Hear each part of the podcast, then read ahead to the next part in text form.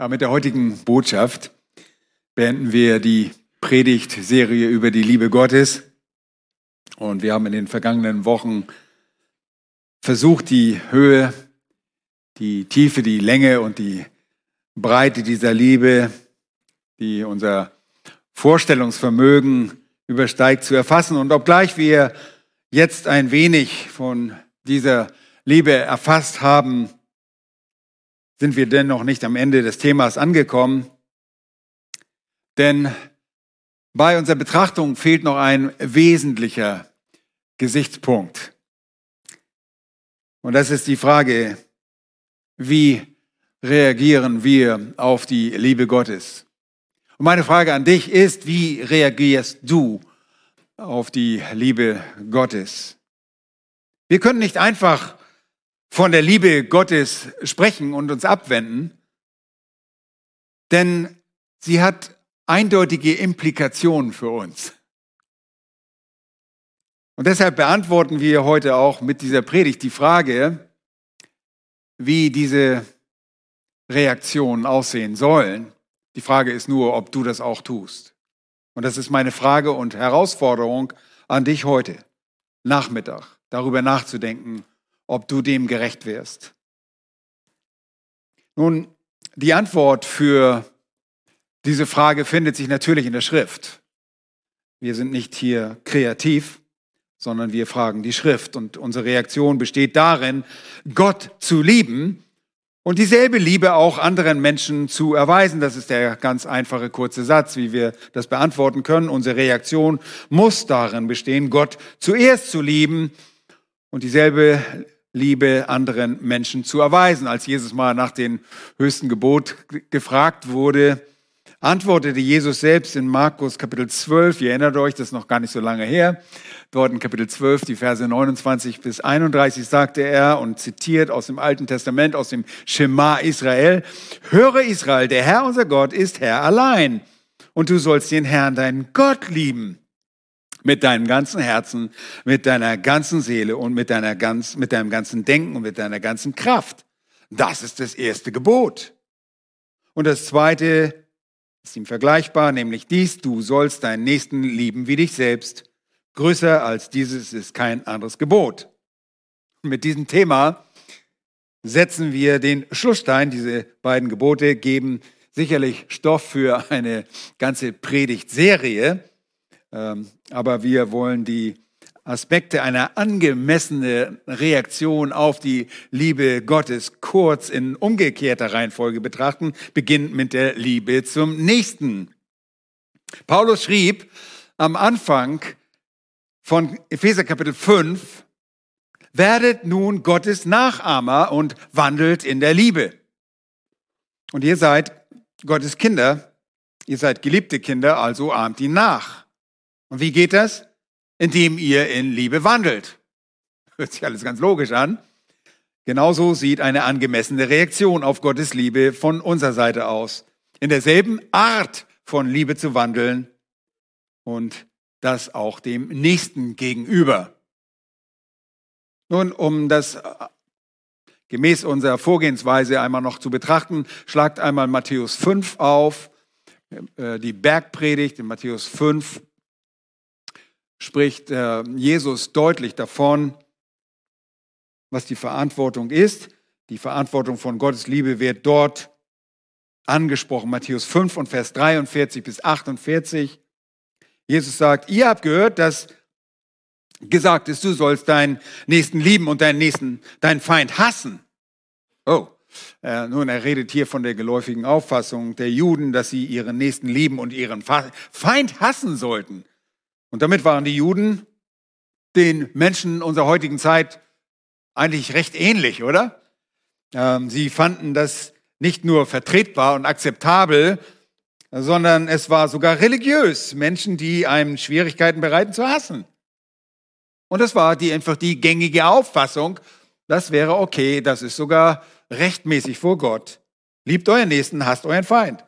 Dann sagt Jesus aber, ich aber sage euch, schaut in den Text, liebt eure Feinde. Und dann sagt er, betet für die, welche euch verfolgen. Warum? Vers 45, damit ihr Söhne eures Vaters im Himmel seid.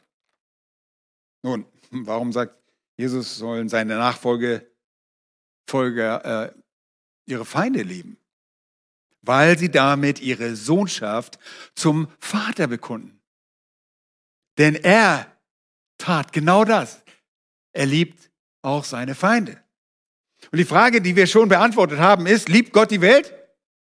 Antwort, ja, das tut er. Liebt er diejenigen, die ihn hassen? Ja, er liebt sie, aber er liebt sie nicht so wie die Seinen. Diese Erkenntnis haben wir bereits gewonnen und es ist eindeutig, dass auch wir dazu verpflichtet werden, durch diese Worte unsere Feinde zu lieben. Ich meine, es geht nicht deutlicher darzustellen, wir sollen die Gottlosen lieben, wie auch Gott die Gottlosen, Gottlosen geliebt hat und immer noch liebt. Und wie liebt er sie? Nun zurück zu unserer Predigtserie. Was haben wir gesagt? Und wahrscheinlich könnt ihr das schon alle äh, auch im Schlaf aufsagen, wenn ich euch nachts aufwecke. Wie liebt die Gott die Welt? Nun mit einer allgemeinen Liebe, mit einer allgemeinen Gnade und dann heißt es da, Vers 45, denn er lässt seine Sonne aufgehen über Böse und Gute und er lässt regnen über Gerechte und Ungerechte. Er gibt seine Liebe, die sich allgemein jedem offenbart und das unabhängig von deren geistlichen Zustand oder davon, ob er zu Gott des geliebten Kindern gehört oder nicht. Für uns ist es nicht einmal ehrbar, nur die Menschen zu lieben, die auch zu uns gehören, mit denen wir gut befreundet sind. Vers 46 heißt es, denn wenn ihr die liebt, die euch lieben, was habt ihr für einen Lohn?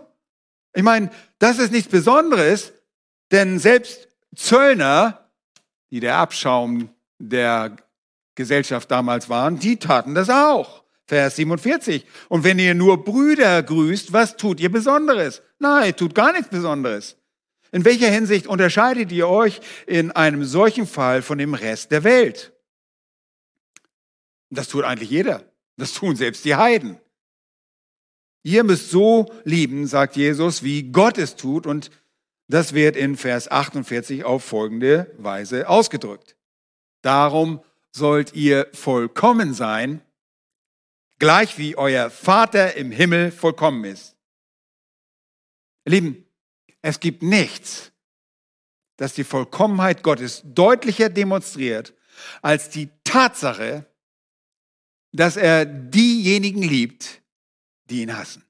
Nichts demonstriert die Vollkommenheit Gottes mehr als Gottes Liebe für seine Feinde. Und so Vers 48 steht, wirklich hier im Zusammenhang der Liebe für Menschen, die euch hassen. Wir sollen also wie reagieren? Wir sollen Gott nachahmen. Wir sollen sie kopieren, diese Liebe. Und Paulus verwendet tatsächlich in Epheser 5 diese Begriffe, Mimetes, von dem wir Mim und Mimik haben und ableiten. Wir sollen diese Art von Liebe nachahmen, reproduzieren. Und das beginnt damit, Gott zu lieben. Und was dem gleich ist, die Gottlosen so zu lieben, wie er sie liebt. Nun, das ist es auch wieder, dass Gott die Welt auf uneingeschränkte Art und Weise liebt. Das ist der Anfang unserer Predigtserie über die Liebe Gottes, die Liebe zu der Welt. Und das zeigt sich erstens durch seine allgemeine Gnade und Güte und zweitens durch seine Barmherzigkeit, sein Erbarmen, seine Weichherzigkeit und seine Sympathie. Drittens auch durch Warnung, Warnung vor dem Gericht. Und drittens was? Ähm, viertens, Entschuldigung, viertens zeigt es auch durch den Aufruf zur Buße, den Aufruf, dem Evangelium zu glauben. Und so sollen wir lieben. Ganz genau so, wie Gott seine Feinde liebt. Und wenn wir das tun, dann lieben wir Gott. Das ist wie so ein Kreislauf. Wie, äh, so ein, das dreht sich immer wieder im Kreis. Da sagt er auch in Johannes 14, Vers 21, sagt Jesus, wer meine Gebote festhält und sie befolgt, der ist es, der mich liebt. Wer aber mich liebt, der wird von meinem Vater geliebt werden und ich werde ihn lieben und mich ihm offenbaren. Wir sollten also unsere feindlich, äh, äh, Feinde freundlich behandeln, mit Sympathie und Erbarmen. Und wir sollten sie warnen.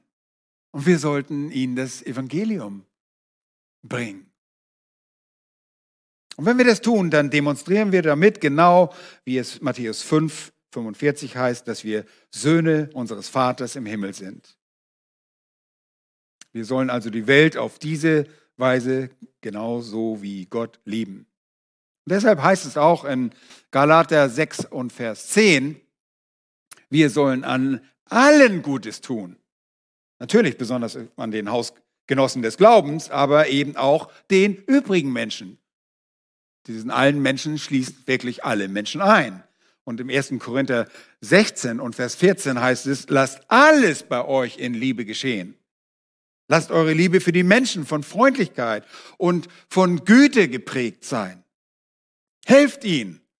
Helft ihnen die Sonne ein wenig, dass die Sonne ein wenig auf sie scheint und dass der Regen auf sie niederfällt. Ich weiß, ihr könnt keinen Regen erzeugen, aber ich meine, es ist eigentlich bildlich, bringt ein wenig Freude in ihr Leben, behandelt sie höflich und herzlich, aber bei all dieser Weichherzigkeit, die ihr ihnen gegenüber, äh, die ihr ihnen gegenüber zum Ausdruck bringt, liebt sie genug, um sie zu warnen und ihnen das Evangelium zu bringen.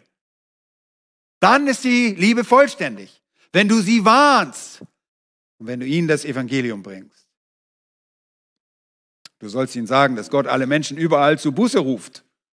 Das ist erforderlich. Das ist unser Auftrag. Und so sollen wir uns verhalten diesem Menschen gegenüber. Und das ist der, die rechte Reaktion auf die Liebe Gottes, der Welt gegenüber. Warnt sie vor dem Gericht, vor der Hölle. Und dann haben wir von der zweiten Kategorie gesprochen. Und das ist die Einleitung zu dem zweiten Punkt wirklich. Das ist die Liebe für die Welt in einem auf, äh, eingeschränkten Maß. Das heißt, Gott liebt die Welt nicht so, wie er seine Auserwählten liebt. Gott liebt die Welt nicht so, wie er die Seinen liebt. Er liebt die Welt auf eine irdische, zeitliche und auf eine befristete Art und Weise, aber nicht so mit uns. Er liebt uns anders. Er liebt die Auserwählten, die Seien, bis ans Ende. Bis zum Äußersten. Erinnert euch? Und wir wollen das nicht alles wieder aufrollen, aber er geht jeden extra Weg, um uns zu lieben. Und das ist diese Liebe, diese überschwängliche, diese vergebende, diese großzügige, die unzertrennliche, unvergängliche äh, Liebe, die äh, heiligende und die reinigende, die läuternde Liebe, die Gott gegenüber uns zum Ausdruck bringt. So liebt er uns. Und Geschwister, das ist der Maßstab. So sollen wir auch unsere Brüder lieben. Und wir kommen gleich zu dem zweiten Punkt weiß, es juckt euch schon in den Fingern. Der erste steht noch nicht mal da. Also was seid ihr eigentlich? Ja, gut, gut, sehr gut. Ähm, ich habe das vielleicht nicht deutlich genug gesagt. Also nicht nur die Feinde müssen wir lieben, sondern ganz besonders unsere Glaubensgeschwister, wie Gott uns liebt. Wir sollen sie ebenso lieben, wie Gott uns liebt. Und ihr Lieben, niemand muss dafür unsere Gemeinde verlassen, um das zu erfahren, wenn wir nur ein einander lieben. Wegbleiben und das Weglaufen ist niemals die Lösung in einer Gemeinde. Äh, ihr werdet nur eure Probleme woanders mit hinnehmen, wenn ihr hier verschwindet. Ähm, das ist eine Illusion. Liebt einfach einander, dann ist das nicht nötig. In Johannes 13, in dem Saal an dem Abend des Verrates Jesu, demonstrierte Jesus seine Liebe gegenüber den Jüngern und gibt ein Beispiel dafür. Ein so eindrückliches. Und ihr erinnert euch an die Straßen äh, Judäas und äh, überhaupt dort im Nahen Orient. Man ging durch die Straßen und man hatte sofort schmutzige Füße. Und Jesus erniedrigt sich und übernimmt die Aufgabe eines Sklaven und er wäscht den Jüngern die Füße. Jesus, der König der Könige, der Herr der Herren, der kniet sich nieder und er beugt sich nieder. Und dann heißt es dort in Johannes 13, Vers 12. Er wusch ihre Füße, zog sich sein Obergewand wieder an, setzte sich zu Tisch und sprach, versteht ihr, was ich euch getan habe? Ihr nennt mich Meister und Herr und sagt es mit Recht, denn ich bin es auch. Warum tut der Herr und der Meister all das? Seine Erklärung ist diese. Wenn nun ich, wenn nun ich der Herr und Meister euch die Füße gewaschen habe, so sollt auch ihr einander die Füße waschen. Denn ein Vorbild habe ich euch gegeben, damit auch ihr so handelt, wie ich an euch gehandelt habe. Wahrlich, wahrlich, ich sage euch, der Sklave ist nicht größer als sein Herr, noch der Gesandte größer als der ihn gesandt hat. Und dann Vers 17, wenn ihr dies wisst, glücklich seid ihr, wenn ihr es tut. Ihr müsst es genauso tun. Und etwas weiter im Text sagt er dort in Vers 34, ein Neugebot gebe ich euch, dass ihr einander lieben sollt, damit, wie ich euch geliebt habe, auch ihr einander liebt. Ihr Lieben, das ist die, diese überschwängliche, diese unendliche, selbstlose, demütige und aufopfernde Liebe, dieses Beugen der Knie, um die dreckige Arbeit zum Wohle eines Bruders oder einer Schwester zu verrichten. Zu verrichten. Und so sollen wir lieben. Und das ist wirklich eine große, weitherzige, weitreichende Liebe, eine überschwängliche Liebe mit den Worten des 1. Johannes 3, das auszudrücken, 3 Vers 16 und 17. Es ist eine Liebe, die unser Mitgefühl mit anderen Menschen in uns weckt. Und wir sollen andere Gläubige vollkommen lieben. Wir lieben die Welt, aber nicht in demselben Ausmaß, in dem wir unsere Brüder und Schwestern lieben und lieben sollen. Wir lieben unsere Brüder und Schwestern, wie Gott es tut, vollkommen, bis zum Äußersten, bis an die Grenze mit einer grenzenlosen und uneingeschränkten Liebe. Das ist die Herausforderung. Und Petrus sagt, vor allem habt Liebe, innige Liebe untereinander. Das griechische Wort dafür bedeutet eifrig und ähm, ja innig und konstant. Es ist eine anhaltende Liebe. Es ist nicht nur eine kurzfristige Liebe.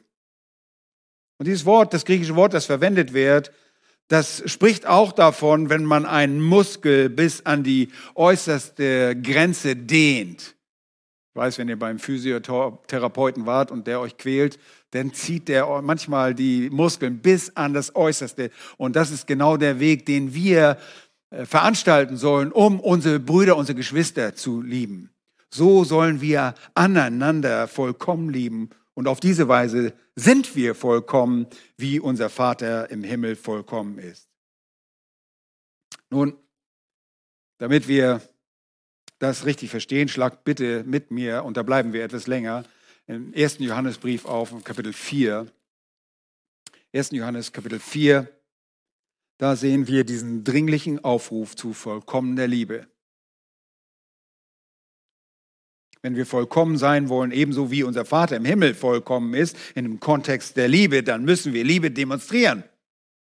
Liebe ist diese Vollkommenheit. Bitte äh, versteht mich jetzt recht.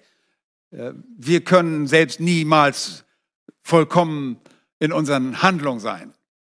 Aber die Vollkommenheit, von der ich jetzt rede, ist die Vollkommenheit der Liebe. Vollkommen bedeutet dabei, um es noch einmal zu wiederholen, bis zum Äußersten, bis ans Ende, völlig und gründlich, ganz in vollem Ausmaß ausgeführt, dauerhaft, überragend. All das bedeutet vollkommen. So sollen wir lieben. Und Johannes schreibt im ersten Johannesbrief an Gläubige, und er ruft sie in Vers 12 zu dieser Art von Liebe auf. Und am Ende des Verses spricht er darüber, dass Gottes Liebe in uns vollkommen wird. Ja, und seine Liebe ist in uns vollkommen geworden. Auch Vers 17 und 18 sprechen davon, dass seine Liebe in uns vollkommen geworden ist. Johannes schreibt nicht über irgendeinen kleinen Aspekt oder Bestandteil dieser Liebe. Er schreibt über vollkommene, ganzheitlich, ganze Liebe, damit wir wie unser Vater sein können, vollkommen. Wir sollen also im höchsten Maße lieben. Wir sollen bis zum äußersten lieben. Und das ist das Thema des Johannes in den Versen 7 bis 21. Wir wollen das gemeinsam kurz durchgehen mit einer Frage im Hinterkopf.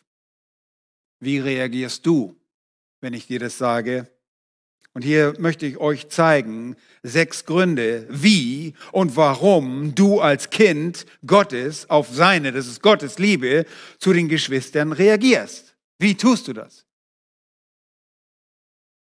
Sechs Gründe, wie, und das Wie bleibt immer gleich, könnt ihr euch merken, nämlich liebend. Und dann das Warum. Sechs Gründe. Erstens, liebend reagiert ihr, weil Liebe das Wesen Gottes ist. Liebe ist das Wesen Gottes. Er hat nicht nur Liebe, sondern er ist Liebe. Mit anderen Worten sagen wir, dass wir Kinder Gottes sind, wie in Epheser 5 es heißt, dann sollten wir besser in Liebe wandeln, denn das ist der Charakter unseres Gottes. Betrachtet einmal Vers 7.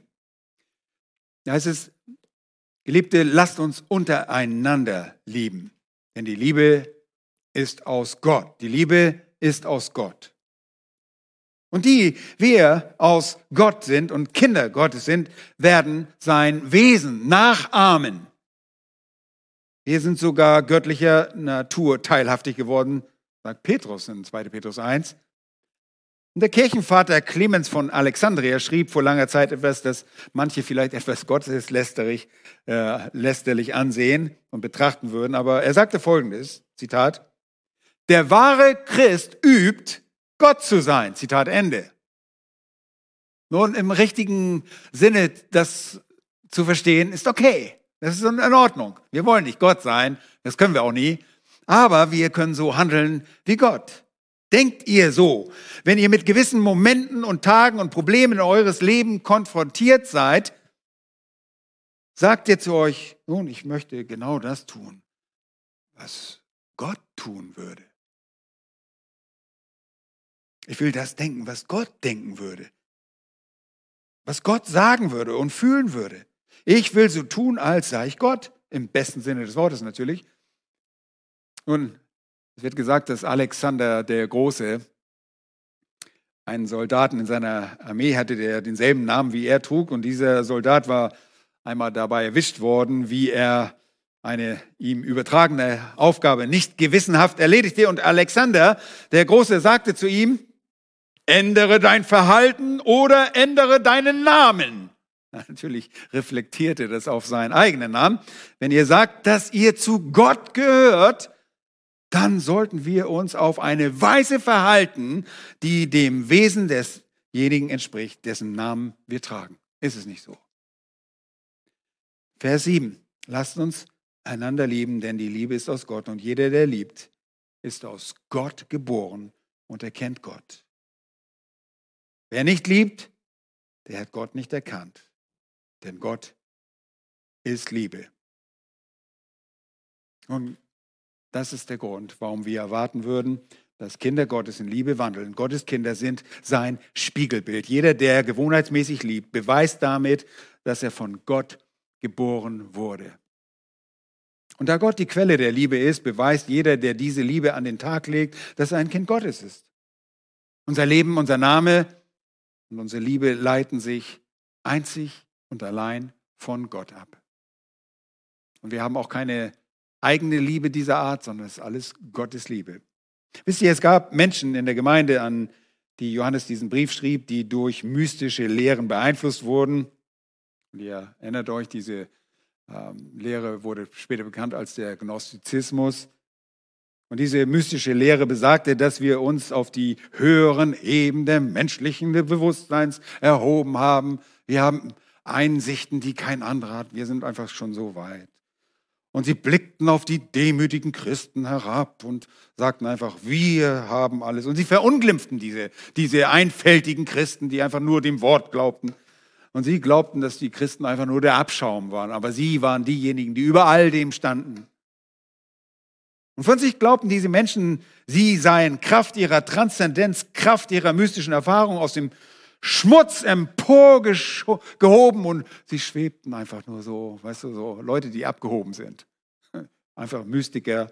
Und das war einfach Gnostizismus, Gnostiker von dem Wort Gnosis. Sie waren Menschen, die der Meinung waren, sie wüssten Bescheid, sie hätten Kenntnis, wahre Kenntnis. Und diese Menschen richtet, äh, diese Menschen richtet äh, Johannes quasi folgende Worte. Derjenige, der herumgeht und behauptet, Gott zu kennen, aber keine Liebe für seine Brüder demonstriert, ist nicht jemand, der Gott kennt. Okay?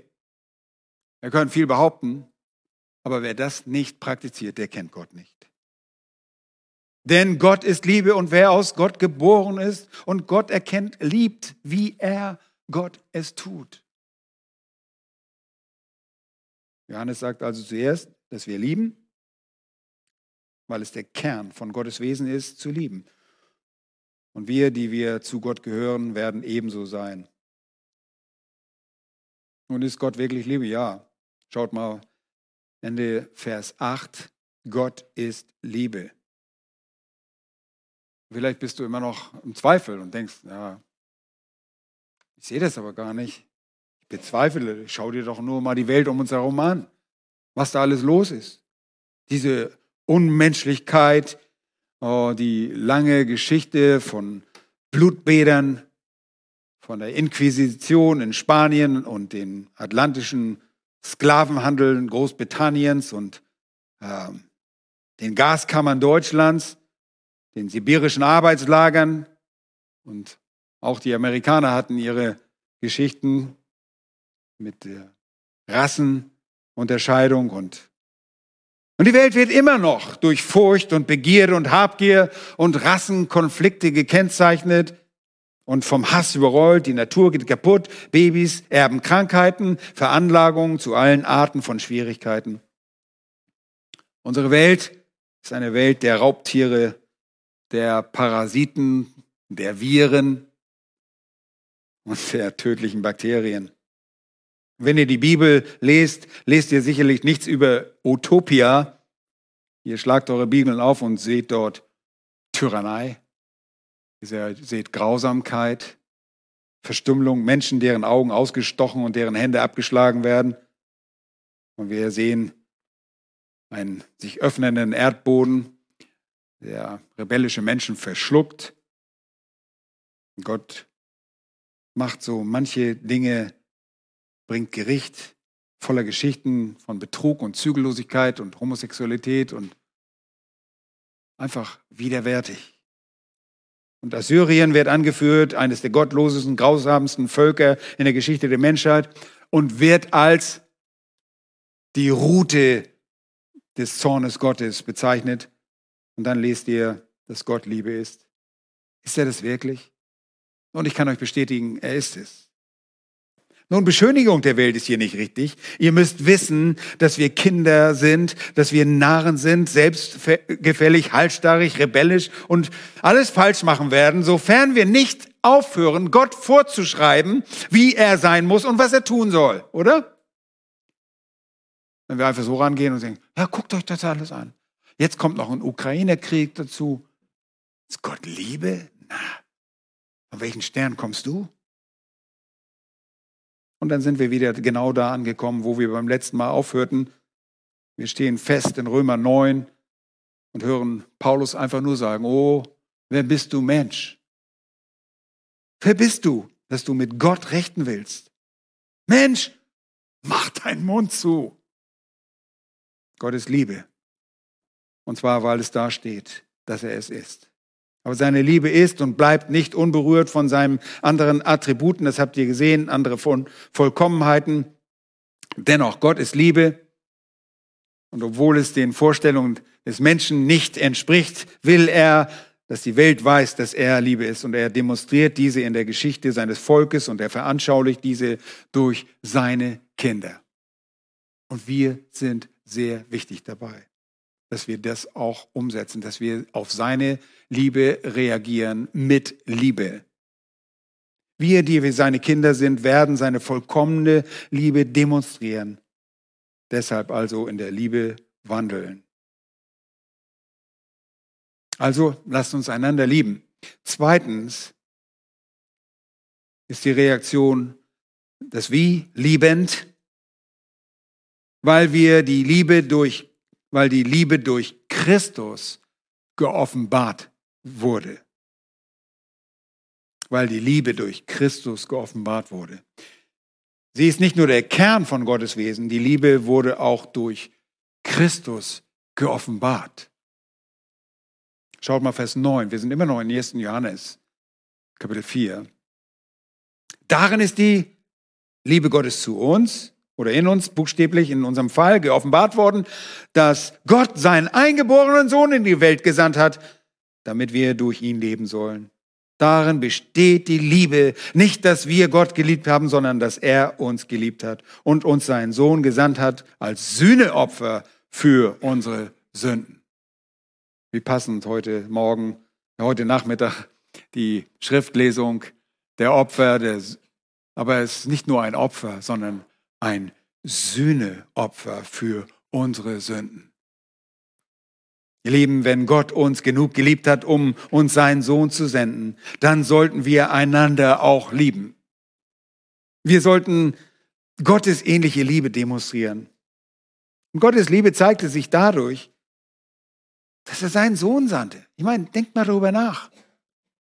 Und das ist das zweite Argument von Johannes hier, ebenso wie der Gedanke, den Paulus in Römer 5, Vers 8 verfolgt, dass Gott seine Liebe zu uns dadurch bewies, dass er Christus, dass er uns Christus sandte, als wir fromm waren. Nein, als wir noch Sünder waren.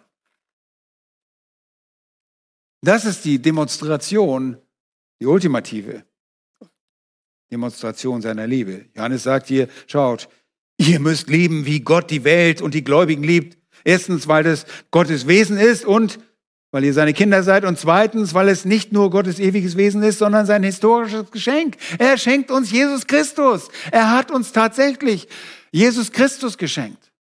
Jesus wurde Mensch, beziehungsweise Gott wurde Mensch und wurde Jesus. So, da haben wir es richtig. Gott gab uns Christus. Und der Gott der Liebe ist, drückte seine Liebe aus, indem er seinen Sohn für uns sandte. Und was damit zusammenhängt, der Ursprung der Liebe ist das Wesen Gottes. Und die ultimative Manifestation dieser Liebe ist die Ankunft Christi. Lieben, wir sollen einander lieben, weil wir sehen, wie die Essenz dieser Liebe in Jesus Christus geoffenbart wird. Johannes schreibt an anderer Stelle in Johannes 15, Vers 13, größere Liebe hat niemand als die, dass einer sein Leben lässt für seine Freunde.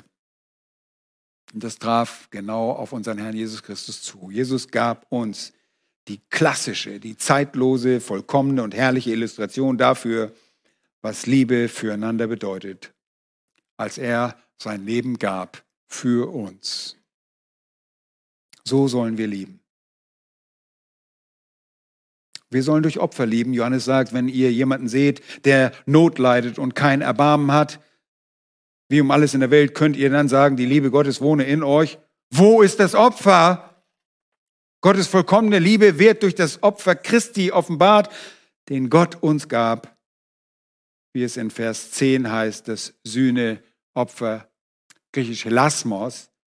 Das ist ein wunderbares Wort. Man findet es auch in heidnischer religiöser Literatur und es wird verwendet, wenn es darum geht, einen zornigen Gott zu besänftigen heidnische Religion müssen immer wieder versuchen, ihre Götter zu besänftigen. Sie versuchen immer, sich Gott, egal welche Gottheit sie anbeten, irgendwie vom Hals zu schaffen, ihre Götter zu besänftigen. Und das ist interessant. Bei den ganzen Naturvölkern, ja, da sieht man immer, dass sie den Göttern ihre Opfer bringen, um sie zu besänftigen. Und sie versuchen, den Angstfaktor, den Aspekt des Gerichts zu eliminieren und deshalb versuchen sie, Gott zu besänftigen oder zu beschwichtigen ihn zu befriedigen. Und genau das bedeutet das Wort. Jesus kam und besänftigte einen zornigen Gott. Wow, das ist das Sühneopfer. Jesus kam und beschwichtigte einen feindlichen Gott, einen heiligen Gott im Himmel, der jeden Tag gerechtfertigterweise zornig auf die Sünder war. Und auch noch ist. Und übrigens, der Zorn Gottes wird auch jetzt schon, ich saß hier in einem dieser Vorträge und sprach vom eschatologischen Zorn, der noch kommen wird, aber auch jetzt wird der Zorn gegen alle Ungerechtigkeit bereits geoffenbart.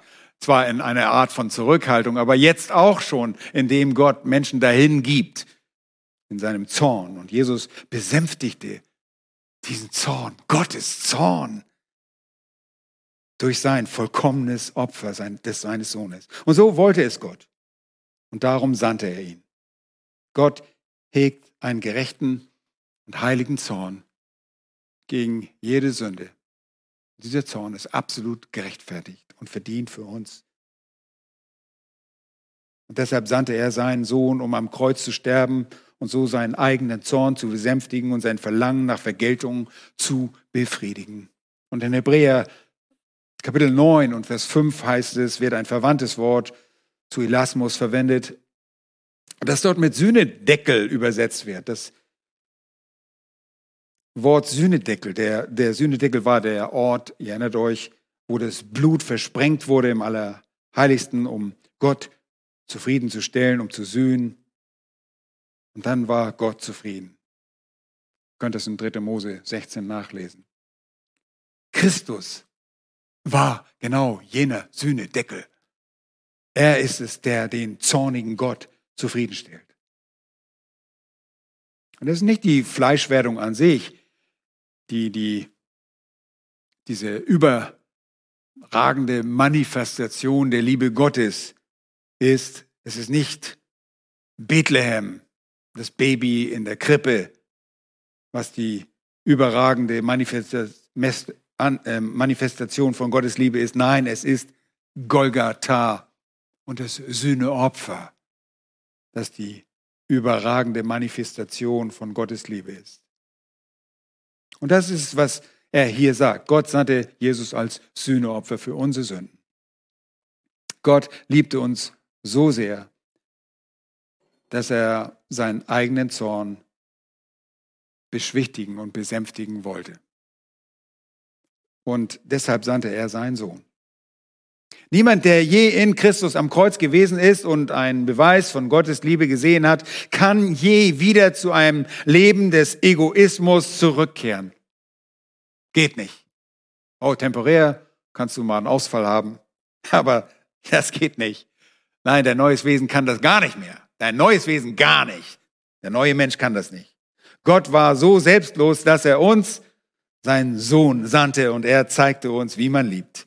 Nicht nur durch die Fußwaschung, und das ist gewiss demütig, sondern indem er uns sein Leben gab. Geschwister, so sollen wir einander lieben, weil Gott die Quelle der Liebe ist und weil wir seine Kinder sind. Und die Liebe, die ultimative Manifestation seiner Liebe in Jesus Christus sollte uns motivieren, genauso zu lieben. Weil Christus die Offenbarung der Liebe ist und wir seinem Beispiel folgen wollen. Nun drittens, was ist der Grund? Der Grund, wie und warum du als Kind Gottes auf seine Liebe zur Welt reagierst und warum ist es, warum wir zu den Geschwistern, wir sprechen jetzt zu der Liebe zu den Geschwistern. Drittens, liebend, weil es unser Zeugnis ist liebend, weil es unser Zeugnis ist. Schaut einmal in Vers 12. Niemand hat Gott jemals gesehen. Und das Argument, das Johannes hier vorbringt, ist nicht äh, sehr subtil. Man muss zwar einen Moment nachdenken, aber es ist ziemlich deutlich. Er sagt hier, dass niemand Gott gesehen hat. Und das verstehen wir vor allen Dingen im Lichte von 2. Mose 33 heißt es, niemand kann Gott sehen und leben. Niemand hat Gott je gesehen. Johannes geht es hier darum, wie irgendjemand Gott kennen kann, wenn er ihn nicht sehen kann, okay? Gott will sich selbst zeigen. Er will, dass die Menschen ihn erkennen. Er will, dass sie ihre Knie beugen. Und warum? Weil es in Johannes 4, 23 heißt, dass der Vater wahre Anbeter sucht, die ihn im Geist und der Wahrheit anbeten. Das tut er. Gott sucht wahre Anbeter. Er will, dass die Menschen ihn sehen, ihn erkennen, vor ihm niederfallen und ihn ehren, verherrlichen, dass sie ihn lobpreisen. All das will Gott. Aber Johannes sagt, dass niemand Gott jemals gesehen hat. Wie sollen sie ihn nun erkennen? Hm. Vers 12. Wenn wir einander lieben, so bleibt Gott in uns und seine Liebe ist in uns vollkommen geworden. Seht ihr, wo der Schlüssel liegt? Es liegt in dem, wenn wir einander lieben. Dann sehen die Menschen Gott. Das ist unser Zeugnis. Das ist so ähnlich wie der Vers im Hebräerbrief, dass ohne Heiligung kann niemand Gott sehen. Wird niemand ihn sehen. Das ist, wenn wir uns heiligen, können Menschen Gott sehen. Das ist unser Zeugnis. Daran wird jedermann erkennen, sagt Johannes in Johannes äh, 13, dass ihr meine Jünger seid, wenn ihr Liebe untereinander habt. Weil das nicht eine natürliche Liebe ist. An dieser Liebe untereinander erkennen wir, wessen Kinder wir sind, wer unser Gott ist. Und wisst ihr noch was? All diese philosophischen Fragen, all diese ähm, grandiosen theologischen Fragen, mit denen wir uns in den Köpfen herumschlagen, um herauszufinden, was Gott alles geschehen lässt. Und all diese Fragen, ob Gott wirklich ein Gott der Liebe ist, sie alle werden einfach von der Flut dieser christlichen Liebe weggeschwemmt. Die treten völlig in den Hintergrund. Und ihr könnt kritischen Menschen begegnen, die philosophisch und analytisch sind und Entschuldigung vorbringen, wie, nun, Gott kann ich einfach nicht akzeptieren. Ja, müsst ihr mir erstmal alles erklären, diese ganzen Dinge. Wisst ihr was, ihr könnt ihn einfach von der Hand weisen, wenn ihr das umsetzt, was Gott sagt, nämlich, dass wir einander lieben. All diese Kritik können wir in der Kraft der christlichen Liebe buchstäblich ersticken und wegschwemmen. Die Welt kennt das nicht.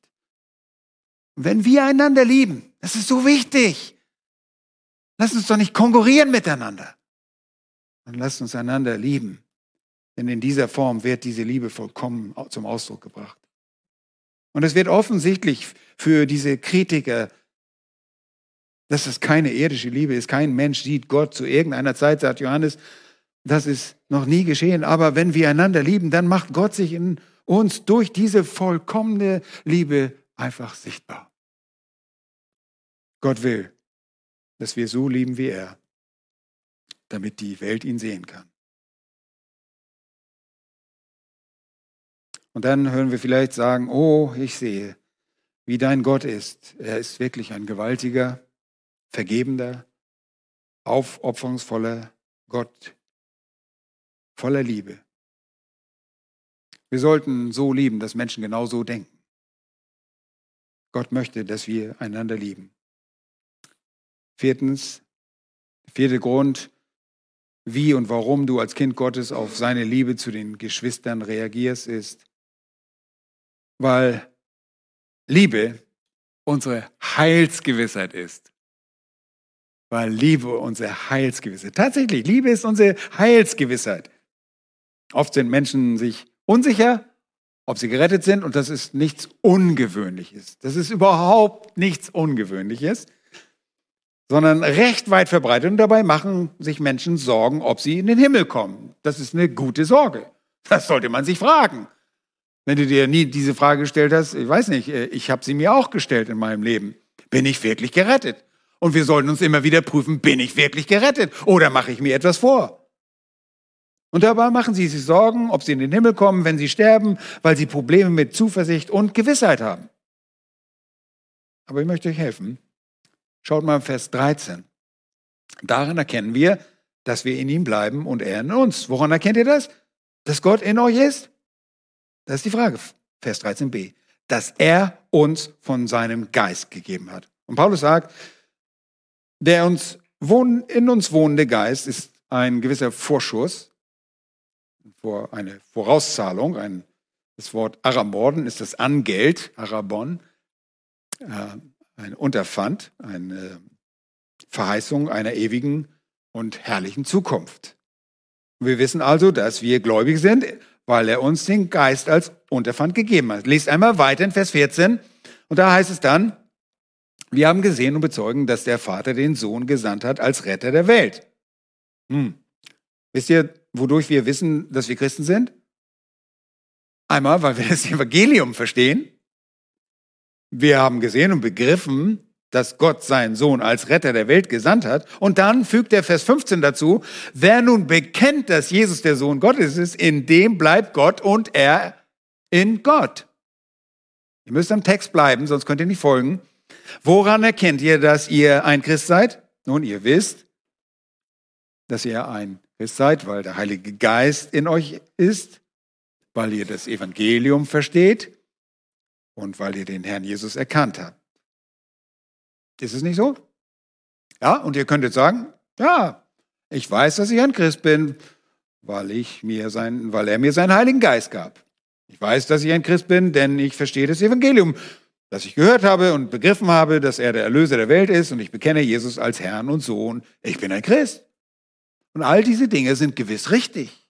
Aber diese Dinge sind nur Vorbereitung für die eigentliche Thematik. Schaut mal in Vers 16, in dem sich der wirkliche Kern befindet. Und da heißt es, und wir haben die Liebe erkannt und geglaubt, die Gott zu uns hat. Wunderbar. Was haben sie erkannt? Was haben Kinder Gottes erkannt? Die Liebe, die Gott zu uns hat. Wenn ihr zu einem Christen werdet, begreift ihr vor allen Dingen, die Unendlichkeit von Gottes Liebe zu euch. Denn ihr fragt euch, wieso denn ich? Wer, wer kann mich denn lieben? Und ihr, ihr guckt euer Leben an und denkt, ach, wieso liebt er mich? Und gerade das macht euch deutlich, was für eine große Liebe das ist. Während ihr Sünder wart, hat er euch geliebt. Dass er euch so sehr liebte, dass er seinen Sohn sandte, für euch zu sterben. Ich meine, Stell dir vor, für einen guten Mensch würde man das vielleicht machen, für jemanden zu sterben, aber für einen Sünder? So ein wie mich? Meine Güte. Er liebt euch so sehr, dass er seinen Geist in euch wohnen ließ und ihr habt Gottes Liebe verstanden. Aber Achtung! Jetzt wiederholt Johannes sogar, schaut mal, Gott ist Liebe und wer in der Liebe ist, der bleibt in Gott und Gott in ihm. Und das ist es, worum es hier geht. Wisst ihr, woran ihr erkennt? Schaut weiter. Ja, ich weiß, dass ich ein Christ bin. Nö, hör doch auf, weil ich den Heiligen Geist habe. Brauchst du nicht wiederholen, Borchmann. Na gut. Aber woher wisst ihr, dass ihr den Heiligen Geist habt? Nun, durch sein Werk in mir. Ja, das stimmt auch. Das ist alles richtig. Aber welches Werk? Die Frucht des Geistes. bei den Männern haben wir heute schon darüber gesprochen, im Männertraining. Die Frucht des Geistes, zuallererst was? Liebe. Und es ist eine Sache, Jesus als Herrn zu bekennen.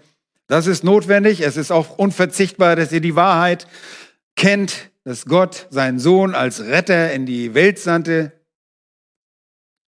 Und dass ihr seht und bezeugt, dass darauf hin, ähm, denn das weist darauf hin, dass ihr eure Sünde kapiert, dass ihr begreift, dass ihr einen Retter braucht, dass ihr Jesus als Gott bekannt habt, dass ihr ihn als Herrn bestätigt habt. All das ist sehr, sehr wichtig. Aber der Punkt, an dem ihr euch wirklich erkennt, dass ihr gläubig seid, wenn ihr seht, wie Gottes Liebe in eurem Leben wirkt. Punkt aus. Und da ist es. Und das ist der Knackpunkt. Der Heilige Geist hat laut Römer 5, Vers 5 die Liebe Gottes in uns ausgegossen. Das ist wahr und wunderbar. Seine Liebe wird in uns ausgegossen und durch uns offenbart. Die Frage ist, liebt ihr die Geschwister? Liebt ihr die Geschwister? Wisst ihr, woran ich weiß, dass ihr die Geschwister liebt? Ihr kommt in die Gemeinschaft der Heiligen. Ihr lauft nicht überall herum und immer überall hin, wo ihr irgendwo Entertainment findet oder sonst was. Ihr wollt bei den Geschwistern sein. Das ist ganz logisch, oder? Das ist mein Verlangen. Liebt ihr es, mit Christen zusammen zu sein? Freut ihr euch, wenn jemand zum Glauben kommt? Kümmert es euch, wenn ein Gläubiger leidet? Oder sagt ihr, oh, Pech gehabt, ah, das hat er verdient. Ja. Leidet ihr mit ihm? Seid ihr geneigt, für andere Gläubige zu beten. Was haben wir heute gemacht? In der Gebets seid ihr in der Gebetsgemeinschaft dabei? Betet für die anderen. Das ist ein Ausdruck der Liebe. Das sind Beweise von Liebe. Möchtet ihr jemandem helfen, der in Hinsicht auf die Wahrheit verwirrt ist und verirrt ist? Hegt ihr in eurem Herzen den Wunsch, jemanden in seinem christlichen Wandel den Weg zu zeigen, damit er sich von lähmender Versuchung abwenden kann? Lieben, das alles ist Liebe. Wenn ihr jemanden in Not seht, schmerzt euch euer Herz. Möchtet ihr in eure Tasche greifen und dieser Not ein Ende setzen? Möchtet ihr eure Arme um jemanden schlingen, der große Probleme in seinem christlichen Leben hat und versuchen, diesen Menschen zu stützen? Dann ist das Liebe. Wie sonst sollte ich wissen, dass der Geist in mir ist? Ich meine, ja, ich habe den Heiligen Geist. Woher weißt du, dass du den Heiligen Geist hast? Ja, ich habe den einfach, da spüre ich irgendwie. Ja, das ist Mystizismus, das ist gar nichts. Du kannst nur die Frucht des Geistes sehen. Du musst dich selbst fragen, habe ich überhaupt Früchte? Gibt es Früchte in meinem Leben? Gibt es eine Auswirkung? Gibt es Werke, Glaubenswerke? Ich meine, keine Werke, die unsere Erlösung, die können wir nicht erwirken. Aber gibt es Veränderungen in deinem Leben, seitdem du gläubig bist? Dann kannst du wissen, dass du auch liebst.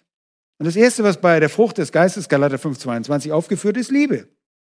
Und wenn ihr fragt, ob ihr ein Christ seid, geht nicht einfach wieder und sagt, nun, das muss ja wohl so sein. Ich kann mich ja an den Tag erinnern, als ich meine Hand gehoben habe bei dem Camp. Ich habe davon, äh, ja, ich bin nach vorne gegangen. Ich, ich, weiß noch, das Datum weiß ich noch. Moment mal, das steht irgendwo. Ja, hier, genau. Und falls ich zweifle, soll ich hier hingehen und gucken, wo das Datum steht. Ich bin ein Christ. Naja, ich lebe zwar nicht wie einer, aber. Naja. Banane. Alles Banane. Nun, ich erinnere mich an den Tag, an dem ich getauft wurde, all das. Ich habe ein Übergabegebet gesprochen, bla bla bla.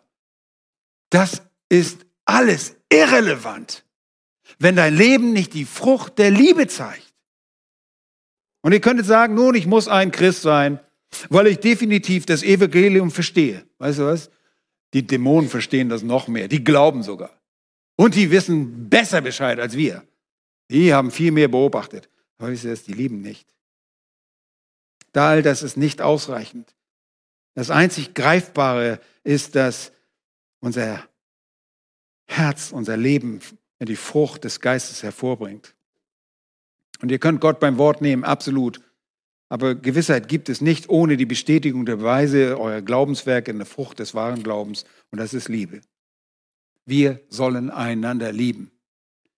Weil Gott Liebe ist, das ist sein Wesen, weil Christus der Maßstab für unsere Liebe ist, weil Gott ihn gesandt hat und unser Vorbild ist, weil Liebe unser Zeugnis ist und weil es die Liebe oder die Art und Weise ist, wie Gott die Welt Gott sehen lässt, unser Zeugnis ja, und weil es unsere Heilsgewissheit ist. Fünftens, sechs Gründe, hier ist der fünfte. Wir kommen gut voran, muss ich sagen. Fünfter Grund, wie und warum du als Kind Gottes auf seine Liebe zu den Geschwistern reagierst, ist liebend. Merkt ihr? Immer nur liebend, weil die Liebe unsere Freimütigkeit im Gericht ist. Die Liebe ist unsere Freimütigkeit, unser, unsere Zuversicht. Ja, wir haben Zuversicht im Gericht. Und das ist im Prinzip eine Erweiterung des vierten Punktes. Er hat mit Gewissheit und Zuversicht wie Heilsgewissheit zu tun. Wir wollen ihn dadurch separat, dennoch separat einmal behandeln und beleuchten. Betrachtet einmal Vers 17. Darin ist die Liebe bei uns vollkommen geworden, dass wir Freimütigkeit haben am Tag des Gerichts. Und Johannes sagt hier, wenn euer Leben sich durch Liebe auszeichnet und ihr überall Liebe demonstriert, werdet ihr am Tag des Gerichts Zuversicht haben. Vers 18 heißt es, Furcht ist nicht in der Liebe. Furcht ist in der, nicht in der Liebe, sondern die vollkommene Liebe treibt die Furcht aus. Furcht wovor? Furcht vor dem Gericht, weil das Gericht Strafe beinhaltet und noch was, wenn ihr in Furcht vor der Wiederkunft Jesu lebt oder die Begegnung mit dem Herrn Jesus scheut und fürchtet, dann stimmt irgendetwas in eurem Leben nicht. Was daran nicht stimmt, ist, dass ihr keine Liebe demonstriert. Sonst braucht ihr keine Angst, keine Furcht vor dem kommenden Gericht zu haben. Und es gibt Leute, die sagen, oh, ich will nicht, dass der Herr jetzt kommt. Oh, ich will bloß nicht, dass er mich so vorfindet. Und zwar immer, wenn wir sündigen, dann willst du bestimmt nicht, dass der Herr gerade in dem Moment kommt. Und das sollte uns immer eine Mahnung sein. Vielleicht würde ich manchmal, ähm, ja, manche Sünde unterlassen, wenn mir das bewusst wäre.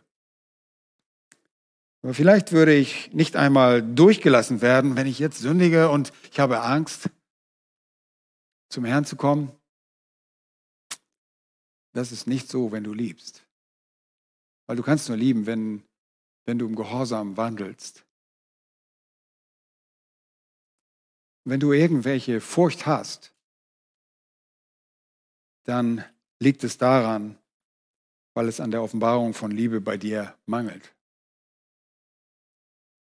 wenn ich mein Leben betrachte und mich frage, bin ich ein Christ?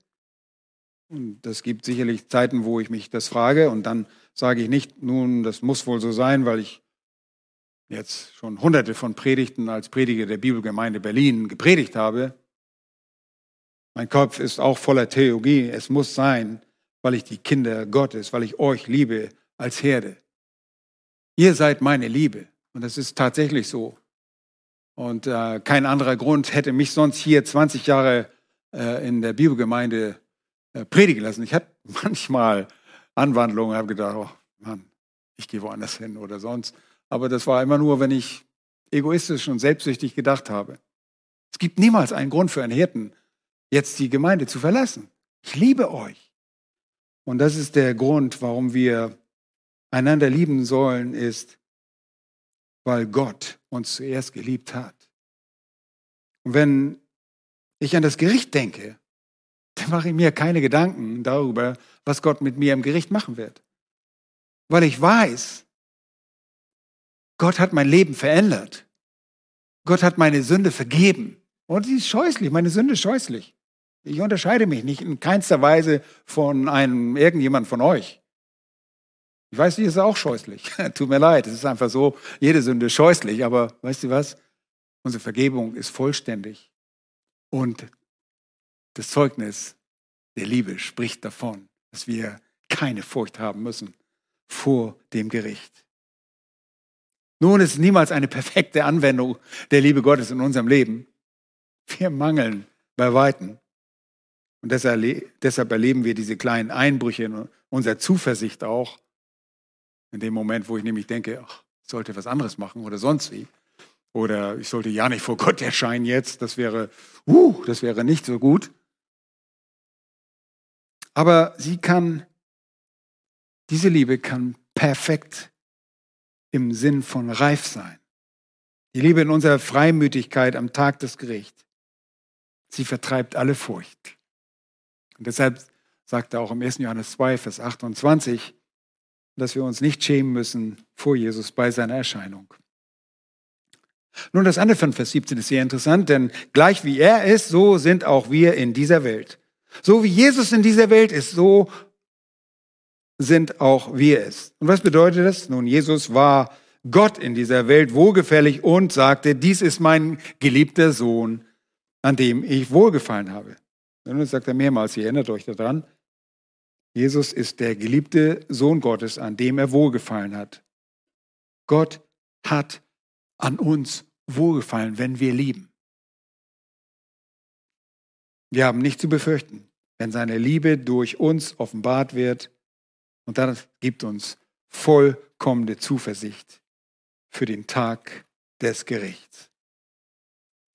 Und wir sollen einander mit vollkommener Liebe lieben weil die Liebe von Gott kommt, weil er das Wesen ist, die Liebe durch Christus offenbart wird, die Liebe unser Zeugnis ist, die Liebe unser Heilsgewissheit ist, weil die Liebe uns Freimütigkeit des Gerichts ist und schließlich und sechstens, der sechste Grund, wie und warum du als Kind Gottes auf seine Liebe zu den Geschwistern reagierst, ist, weil diese Liebe unsere Liebe zu Gott ist. Wir reagieren liebend, weil diese Liebe unsere Liebe zu Gott ist. Was meine ich damit? Die Liebe zu den Geschwistern offenbart deine Liebe zu Gott. Keine Liebe zu den Geschwistern, keine Liebe zu Gott. Schaut mal Vers 19. Da heißt es, wir lieben. Nun, in der Schlachter steht, wir lieben ihn, aber die besseren Manuskripte haben, wir lieben. Und da heißt es, wir lieben, weil er uns zuerst geliebt hat. Und es liegt nahe, dass irgendein ähm, Schreiber, der gesagt hat, Mensch, da fehlt dieses ihn, und da haben das eingefügt. Aber, ihr Lieben, das ist nicht, das ist die Reihenfolge erstmal. Erst liebt er uns und dann lieben wir. Und es ist Gott, der diese Liebe initiiert. Es ist das Ergebnis, dass wir lieben. Und die offensichtlichste Reaktion eines Veränder des Lebens, wir lieben. Und dieses Wir lieben beinhaltet, dass wir alle lieben. Einschließlich ihn. Da braucht kein ihn da sein. Also in der Elbefelder seht ihr wahrscheinlich Wir lieben. Und die Schlachter 2000 hat Wir lieben ihn. Ihn zu lieben ist eingeengt. Wir lieben bedeutet, wir lieben alle. Aber schließt ihn mit ein. Und diese Liebe ist eine Liebe, die wir zu der Welt haben, die wir zu unseren Geschwistern haben und zu unserem Herrn. Wir lieben alle, weil er uns geliebt hat. Aber dann in Vers 20 geht Johannes einen Schritt weiter und wir können verstehen, warum einige Schreiber da dieses ihn hinzufügen wollten. Er sagt, wenn jemand sagt, ich liebe Gott und hasst doch seinen Bruder, so ist er ein Lügner. Denn wer seinen Bruder nicht liebt, den er sieht, wie kann er Gott lieben, den er nicht sieht? Und dieses Gebot haben wir von ihm, dass wer Gott liebt, auch seinen Bruder lieben soll. Nun, es entspricht einfach nur der Logik, dass wenn du behauptest, Gott zu lieben, den du als erstes und am meisten lieben sollst, ebenso Liebe zu dem Bruder hast. Und ich finde, das ist ein angemessener Vernunftschluss und Indikator für deine Liebe zu Gott. Denn wie wollt ihr, wie willst du einen unsichtbaren Gott lieben, wenn du nicht einmal deinen sichtbaren Bruder oder deine Schwester, die neben dir ist, lieben kannst? Versteht ihr das? Du sagst, ja, ich liebe Gott, aber dein Bruder oder deine Schwester liebst du nicht? Das passt nicht. Wenn ihr aber nun befähigt worden seid und gelernt habt, den sichtbaren Bruder zu lieben, dann werdet ihr auch den unsichtbaren Gott lieben.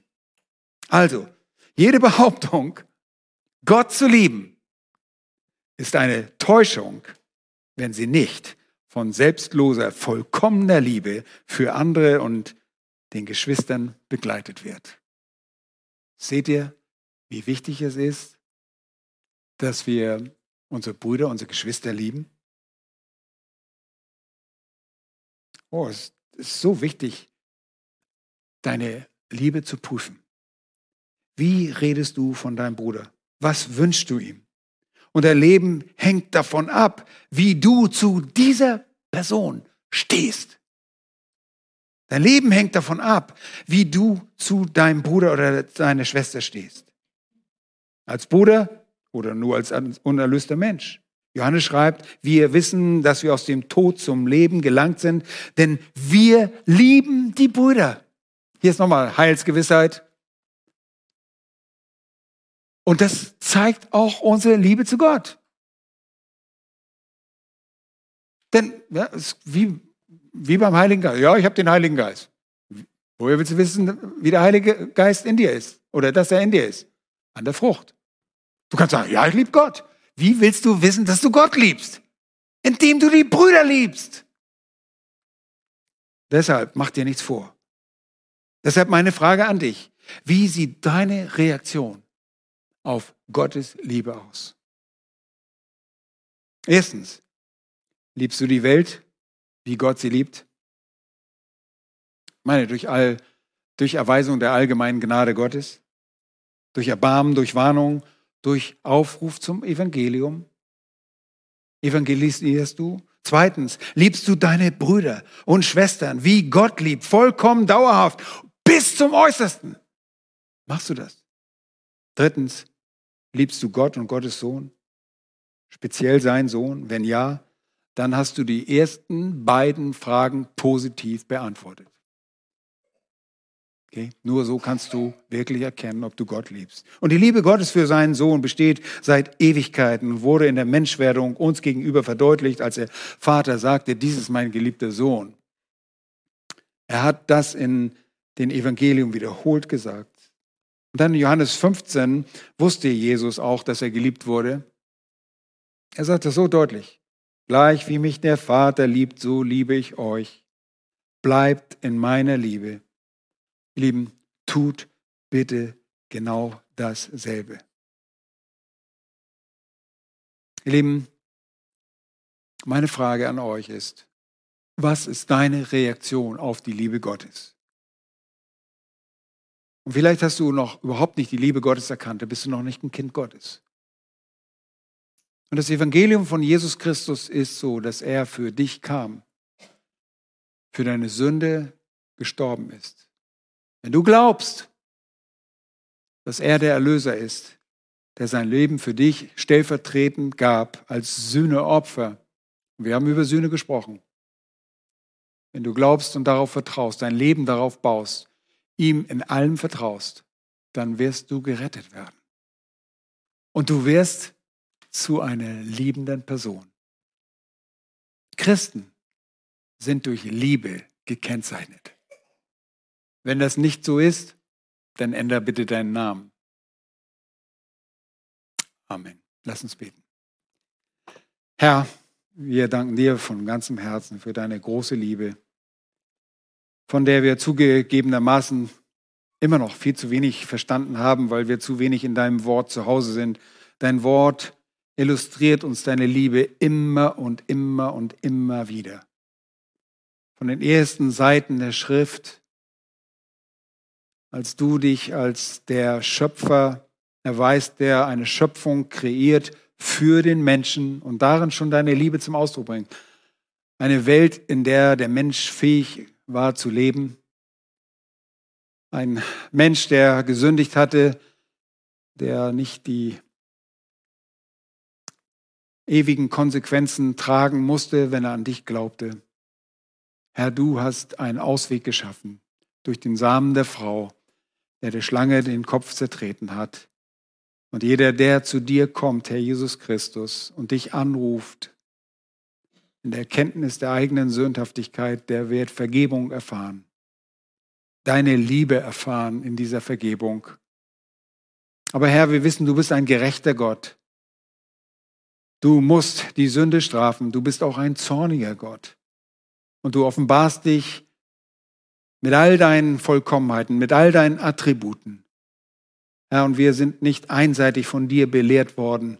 Die Bibel lehrt uns all diese Dinge. Herr, hilf uns eng an dem Wort Gottes zu bleiben, zu sehen, wie du wirklich bist.